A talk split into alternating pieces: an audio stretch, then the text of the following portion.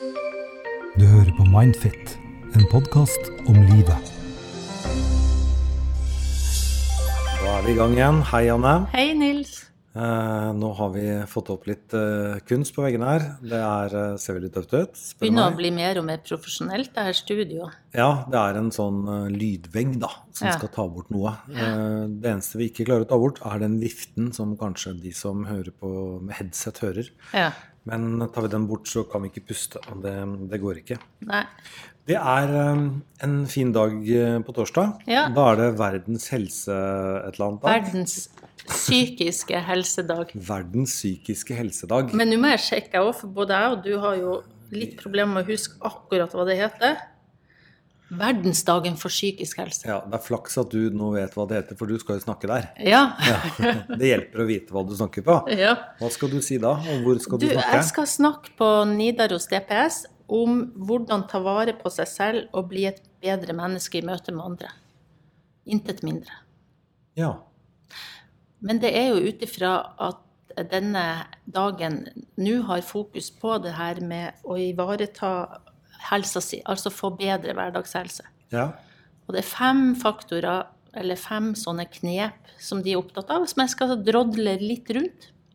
Men det er for de ansatte, da? På, på Nei, det- er, for, det er åpent for alle. Både Både pasienter og pårørende, og også de ansatte. Og, og generelt forbipasserende.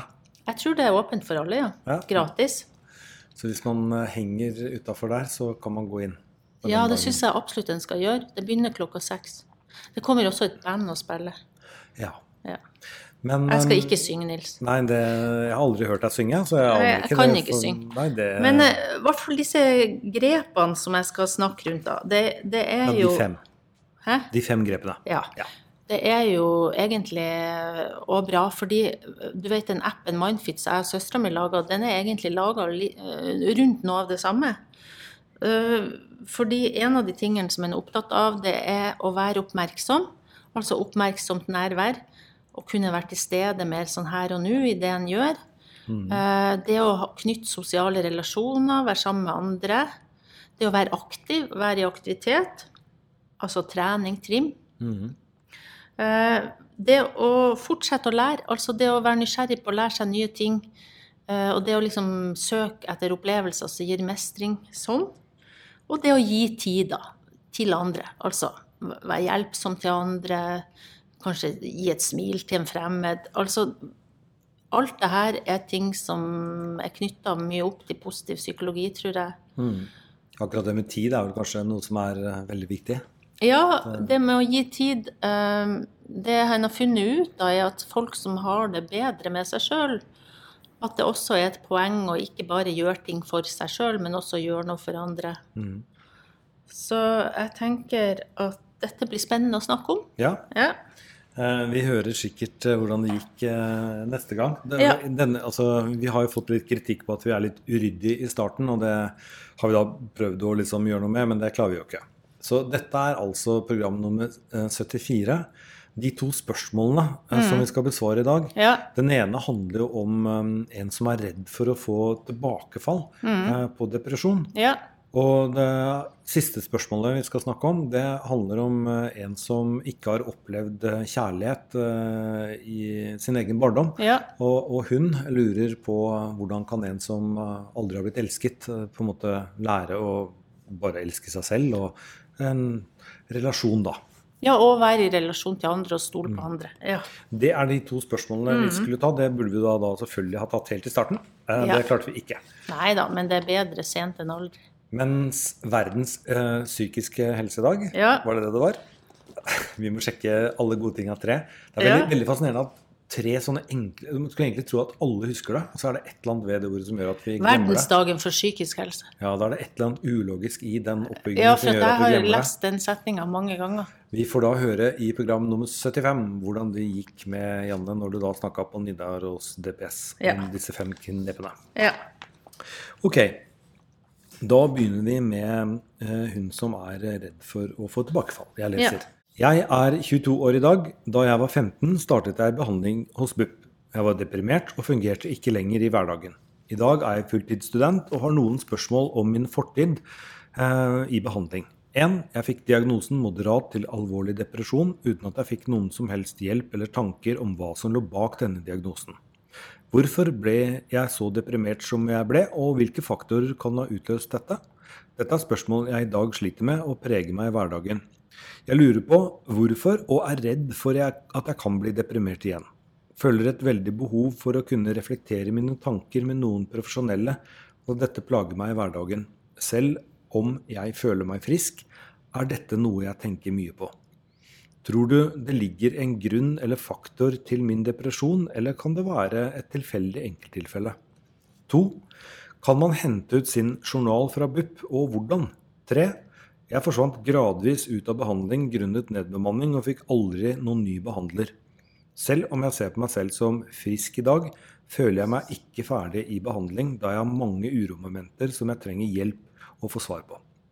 Kan jeg ha rett på noen hjelp? Som 16-åring ble jeg satt på antidepressiva og måtte selv som 19-åring ta initiativ til nedtrapping på disse. Fikk ingen oppfølging etter jeg forsvant fra systemet. Hvordan er statistikken på tilbakefall for de som tidligere har gått på antidepressiva? 4. Til slutt, hva tenker du er lurt å gjøre for meg i denne situasjonen hvor jeg har et behov for svar på tidligere lidelse? Håper dette er anonymt nok til å ikke bli gjenkjent fra bekjente. Det vil jeg tro er. Det vil jeg òg tro det. Absolutt. Det er mange spørsmål her, Nils, og nå får vi prøve å holde tunga litt rett i munnen. Ja, det er delt inn i fire ja. eh, hovedspørsmål. Kan jeg bare si først eh, at eh, jeg syns det å få en diagnose uten å få hjelp til, eller noen tanker rundt hvorfor det ble sånn, det syns jeg er ganske dumt, da. Mm jeg tenker som behandler Fordi det er så mange veier inn i en diagnose. Det er jo en beskrivelse, det er jo en sekk mm. med beskrivelse av folk. Altså det å bli deprimert, eh, det kan jo skyldes belastninger du har i livet ditt der og da. At du ikke trives på skolen, at du blir mobba, at du ikke har det bra hjemme. Eh, det kan jo også være en sårbarhet du har i deg. Eh, at du er mer sensitiv. Kanskje det med stress det kan være knytta til prestasjon, ikke sant.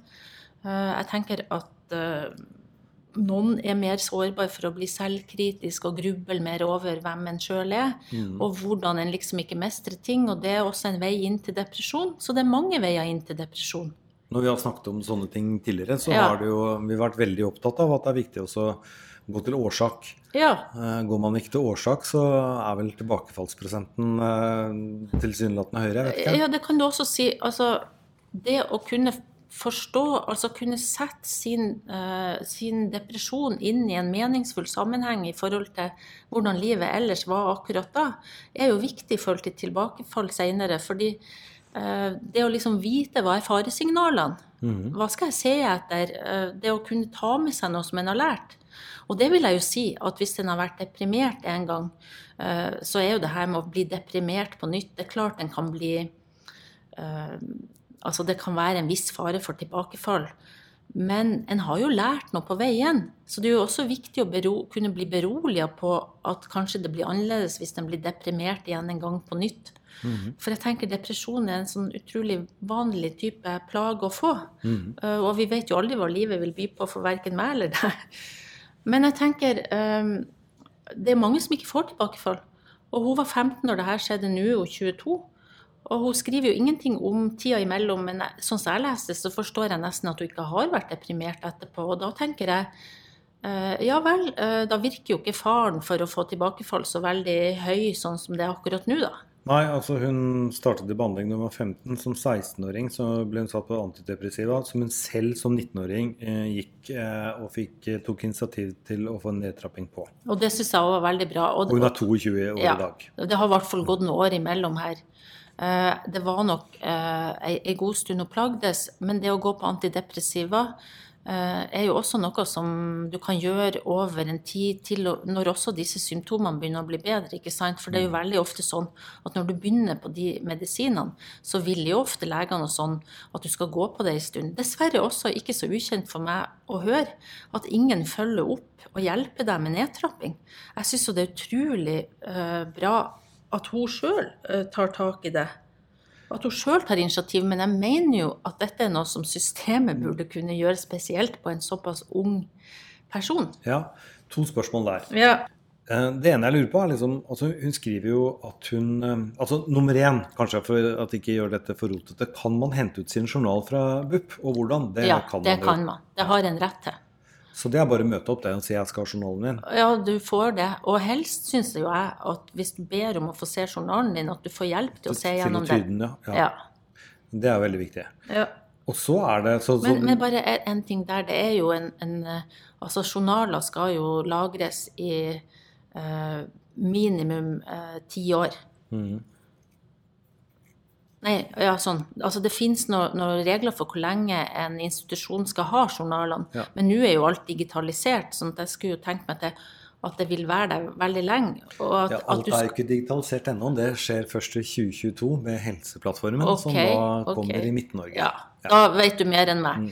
Men i hvert fall, de, har, de skal ha den journalen ganske lenge etter at du har slutta i behandling. Ja. Det er det som er poenget mitt. Men uansett, hun har bare 22, så en journal som uh, dukka opp når hun var 15 år, den finnes. Så Den den, finnes. kan du bare gå, Ja. og du kan eh, få den. Og Ja. et veldig godt råd som du ga, at det kan være at du trenger hjelp til å forstå den. For Ja, det det er jo en del, jeg sikkert en del sånne er diagnoser og Ja. For dere bruker sånn tallkoder og sånne ting som Ja, absolutt rimelig å be om å få hjelp. Men så er det der at man forsvant gradvis ut pga. nedbemanning, og fikk aldri noen ny behandler. Ja, og det er jo dessverre òg når jeg hører en del ganger. Så jeg opplever at psykisk helsevern lider under eh, Altså, de, de har et, et, en utfordring med det her med å gi folk behandling eh, over tid. Eh, det er sånn press på å komme inn, og de har veldig mye fokus på utredning og den fasen, men behandlingsfasen syns jeg ikke det er like, det er ikke like bra hjelp å få der. Eh, Og det høres ut som eh, for en del av de som går til meg, at eh, når de slutter på eh, BUP, eller slutter på de her DPS-ene, så er det fordi behandleren deres slutter. Mm. Og da får de ikke noen ny behandler. Men, men igjen, så, så jeg tenker litt Hun er altså 22 i dag, og så tenker man på at eh, hun hadde en depresjon. Mm. Hun fungerte ikke i, eh, i hverdagen når hun var 15. Hun aner ikke hvorfor hun fikk den depresjonen. Hun lurer på det. Og, og det driver og gnager henne. Og hun lurer på kan jeg få hjelp til å forstå hva som lå Ja, bak. vet du, jeg, det tenker jeg absolutt hun kun, kan få. Ja, For hun er jo i den alderen at uh, man Ja. ikke trenger å vente seks måneder. Jeg syns jo også, uh, siden hun kan innhente denne opplysninga hos BUP, så kanskje hvis hun får en samtale der, så kan hun også få litt hjelp til å forstå eventuelt der. Det kan jo være at hennes gamle behandler faktisk jobber der enda. Mm. Og husk henne. Eh, Men også tenker jeg at, eh, at jeg håper at dette er jo god nok grunn til å kanskje få eh, samtale med en psykolog eller en annen type helsepersonell her og nå. Kanskje siden hun ikke har noen symptomer nå, så er det ikke så lett å komme inn i psykisk helsevern, altså spesialisthelsetjenesten. Men eh, det finnes jo sånne lavterskeltilbud i, i kommunene, eh, der du kan få ja, korttidstilbud, da. Og der du ikke trenger å ha psykiske helseplager. Altså det trenger ikke være så, sånn alvorlighetsgrad i det. Sånn at jeg vil jo kanskje anbefale å sjekke ut det i den kommunen der hun bor, om det finnes et sånn type helsetilbud. Men- altså kommunepsykolog. Men nummer én, Ja. gå til BUP, få journalen, få hjelp til å kode den, og ta det derfra. Ja, men så vil jeg også si noe, for hun har ett spørsmål som vi ikke har svart på, og det handler om det der med tilbakefall for de som tidligere har gått på antidepressiva. Mm. Og det sjekker jeg litt ut, skjønner du. Fordi uh, jeg fant bl.a. at eh, en, en stor undersøkelse som var gjort eh, ved noe som heter Harvard eh, medisinske senter, Ja. der de hadde fulgt opp 400 pasienter som hadde gått på antidepressiva. De fulgte dem opp i et år etterpå. Og de fant ut at uh, dette med tilbakefall Nå må jeg bare se litt her. Uh, sjansen for å få tilbakefall er større hvis du trapper Altså, de, anbefaler litt gradvis nedtrapping, sånn som hun har gjort. Mhm. Fordi dette med å brått slutte på de her medisinene, det gir en større risiko for tilbakefall. Eh, og så er det også sånn at i starten, når du går av medisinene, så har du noen symptomer som kan ligne på et tilbakefall. Det er viktig å vite. Sånn første måneden, første ukene. Altså du kan få litt uro, du kan få litt uh, depressive type symptomer. Men også en del fysiske plager, svimmelhet, kvalme, eh, som er forbigående, da. Og da er det jo mange som kan bli engstelige for at de får plagene sine tilbake. Men sjansen er som sagt mindre hvis du trapper gradvis ned. Det var det de fant ut. Og hvis du holdt deg i aktivitet. Fordi eh, det som ofte skjer med de her nye antidepressivene, det er at, at de gjør noe med serotoninnivået i Altså de øker produksjonen av serotonin, som en tror har en sammenheng med det å få depresjon. da, At det blir et lavere nivå av det. Men det gjør jo også trening. Sånn at de anbefaler det òg, fysisk aktivitet. Og så anbefaler de selvsagt, fordi det er jo mange som får medisiner uten å få hjelp, at, at du også snakker med noen i samme periode hvis du har behov for det. Ja. Men da virker det jo som hun gjorde det som var helt perfekt, da. ja, jeg syns det høres ut som hun har gjort veldig mye riktig. Og hun skriver veldig bra, Mhm. så det her tror jeg faktisk går bra. Men igjen, dra til BUP, få ut journalen din. Det, den er din.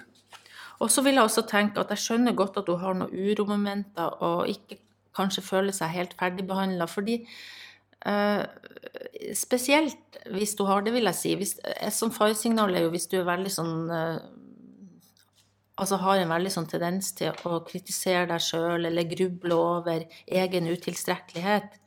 Eh, det er jo et sånn faresignal i forhold til depresjon. Akkurat som det å ikke ivareta søvn eller mat eller ikke trene, ikke sant. Det er ting du kan gjøre for å liksom holde deg i gang og forebygge depresjon. Men hvis du har denne tendensen til, til, til å kverne eller gruble over egen utilstrekkelighet, så kan det være veldig greit å, å få snakka med noen og få forebygga på det viset. Ja. Ja. eh, Jeg håper det var et eh, bra spørsmål. Anonyme 22 år gamle kvinne. Bra svar, Ja, kanskje. veldig bra, nei, bra svar, mente jeg. Det var et bra spørsmål. Det var et bra spørsmål, og det var veldig bra. Det var fire gode eh, hovedbolker med Ja. spørsmål der. Ja. Um, nå har det blitt merkbart um, mer stille her for de som sitter og hører på med headset, og det er da fordi at dette vifteanlegget nå har da skrudd seg av. Har tatt pause. Ja, Ja. eh, så det er bra. Mhm. Da leser jeg spørsmål nummer to. ja. Jeg er en 28 år gammel kvinne som trenger råd om hvordan jeg kan lære å elske meg selv etter en traumatisk oppvekst og nåværende komplisert familierelasjon, samt hvordan jeg kan endre negative tilknytningsmønstre i kjærlighetsrelasjoner. Kort fortalt 1. Vokste opp med mor, lillebror og far. Far var alkoholiker og hadde dyssosial personlighetsforstyrrelse, og han drev psykisk og delvis fysisk mishandling av meg og bror frem til foreldrene mine skilte seg da jeg var 16 år. Hadde lite kontakt med han i et par år, men det endte med at jeg ikke hadde hatt kontakt med han de to siste årene han levde. Han døde da jeg var 22 år gammel. Jeg og bror besøkte han på dødsleiet i håp om en form for forsoning og ta farvel. Han kalte oss stygge ting, og vi forlot sykehuset. Noen dager senere døde han. 2. Mor diagnostisert med Alzheimers, tidlig stadium samt bipolar lidelse, mye deprimert. Lever i benektelse av at hun er syk. Bror har utviklet narkotikaproblemer. Jeg har egentlig all grunn til å være fornøyd med meg selv og mitt liv. Selv om det har tatt tid, er jeg nå student på drømmestudiet mitt, får gode karakterer, har en fantastisk god og snill kjæreste, har venner og bor i en annen by enn familien min, og skal egentlig leve mitt liv. Likevel blir jeg hjemsøkt av fortiden min. Jeg har tanker om at jeg ikke er verdt noe, at jeg er dum, at jeg forstår ikke at kjæresten min virkelig kan elske meg. Jeg fortjener ikke kjærlighet. Jeg blir redd når jeg opplever kjærligheten jeg får fra min kjæreste. Jeg er til tider overbevist om at han kommer til å forlate meg. Jeg er livredd for at han skal finne ut av hvem jeg egentlig er. Bruker enormt mye tid og energi på å bekymre meg for kjæresten. Dette gir angst. Men istedenfor å fortelle han om hvordan jeg har det, velger jeg å prøve å skjule det. Dette resulterer i at jeg sperrer meg inne. Jeg blir stille, rar, anspent, ser han ikke i øynene, sier at alt er bra, selv om han tar og føler på den anspente stemningen jeg skaper med min holdning. Han har ved flere anledninger uttrykt at han synes det er vanskelig. Jeg prøver å gråte mer og fortelle hva jeg kjenner på. Men jeg er redd det blir for mye og for ofte. Derfor sliter jeg med å la være å fortsette i dette mønsteret, der jeg forgjeves forsøker å late som om jeg har det bra. Nå sier han sjelden at han elsker meg, tar ikke på meg på samme måte som før. Han har sagt at dette sikkert kommer tilbake når vi slipper å være anspent rundt hverandre.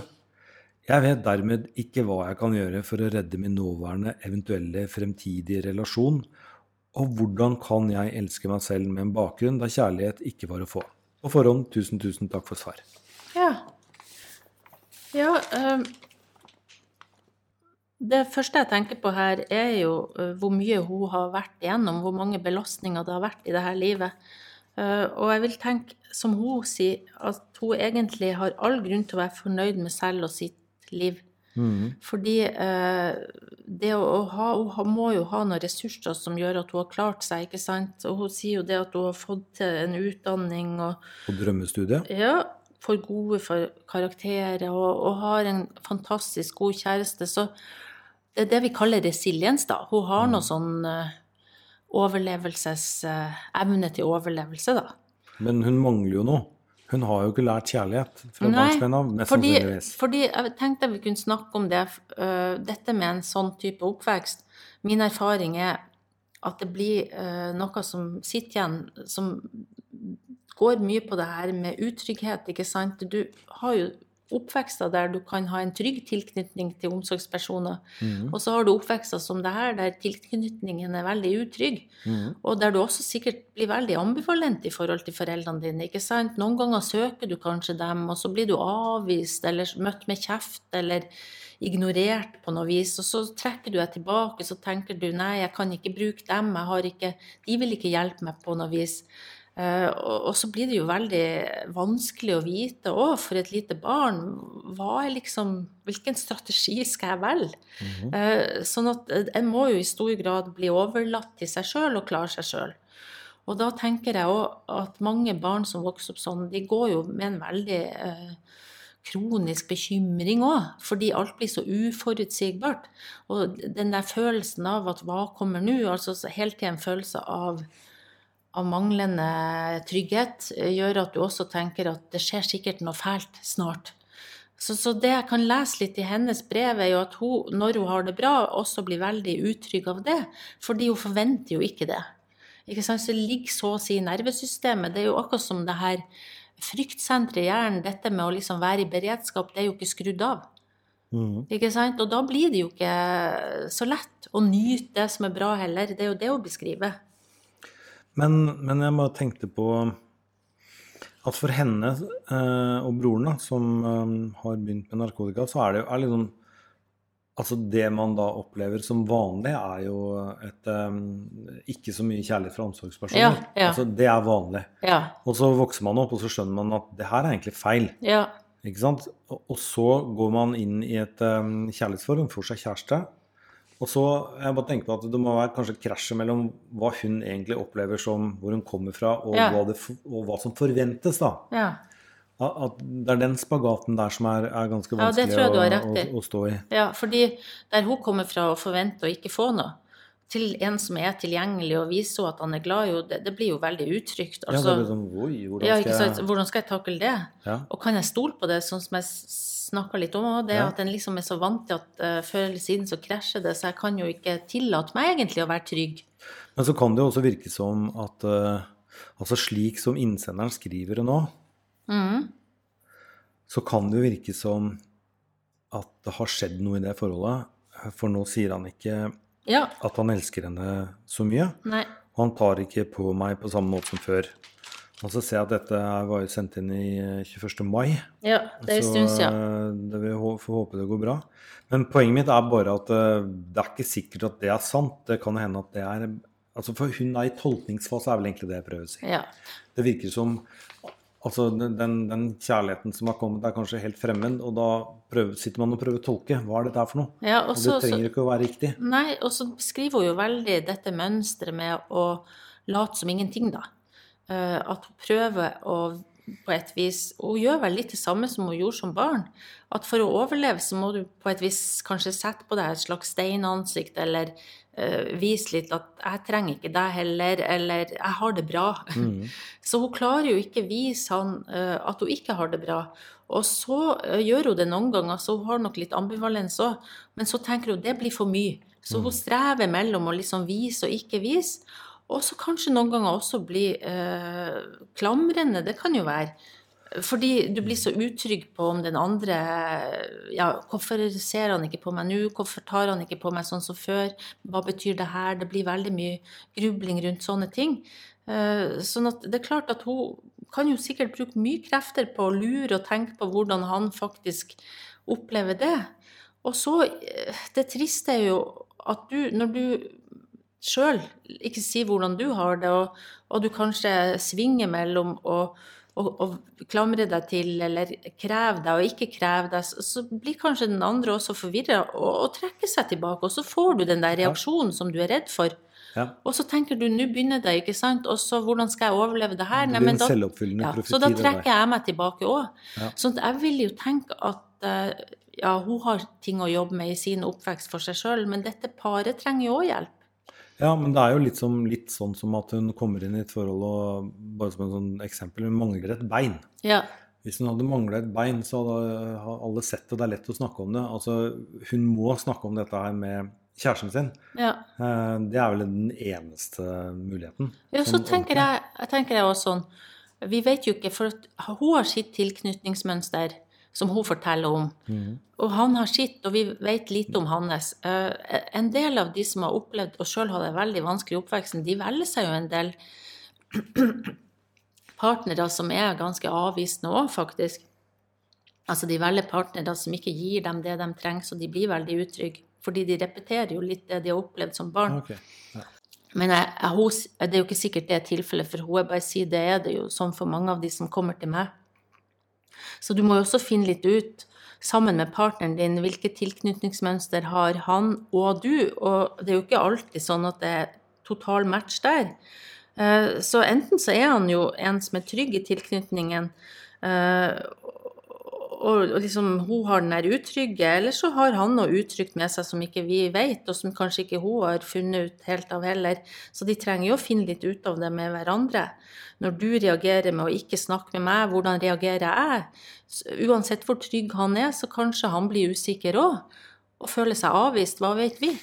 Ja, for det kan virke som de ikke har hatt eh, de, de gode, dype samtalene som de kanskje behøver, eh, og at eh, stemningen blir litt anspent.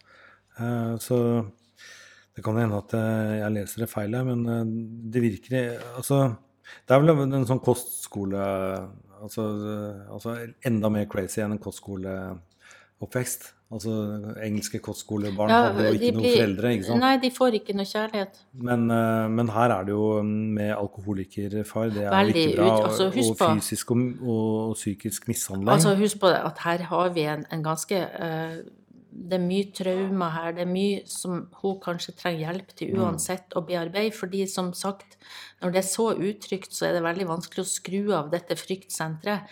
Sånn at uansett, eh, la oss si at han er verdens snilleste og kjærligste mann, uansett så er det vanskelig for henne å skru av det, denne eh, opplevelsen av eh, kronisk bekymre seg for hva skjer nå, og forvente verste. Så jeg ser jo heller ikke bort fra at hun kunne trengt hjelp til å bearbeide noe av det hun har opplevd i oppveksten sin. Det tenkte jeg over, og, og det er kanskje det viktigste. For det er ikke småting. Hun er jo sånn blomster... Nei, det er ikke småting. Løvetambarn, Ja, hun, hun er et løvetambarn. Hun har noe eh, Hun har en evne til eh, Altså, det er noe med henne som gjør at hun har eh, klart seg så bra, men samtidig så har, er det så mye hun ikke har fått, som hun hadde fortjent hjelp til å, å finne litt ut av, syns jeg. Mm.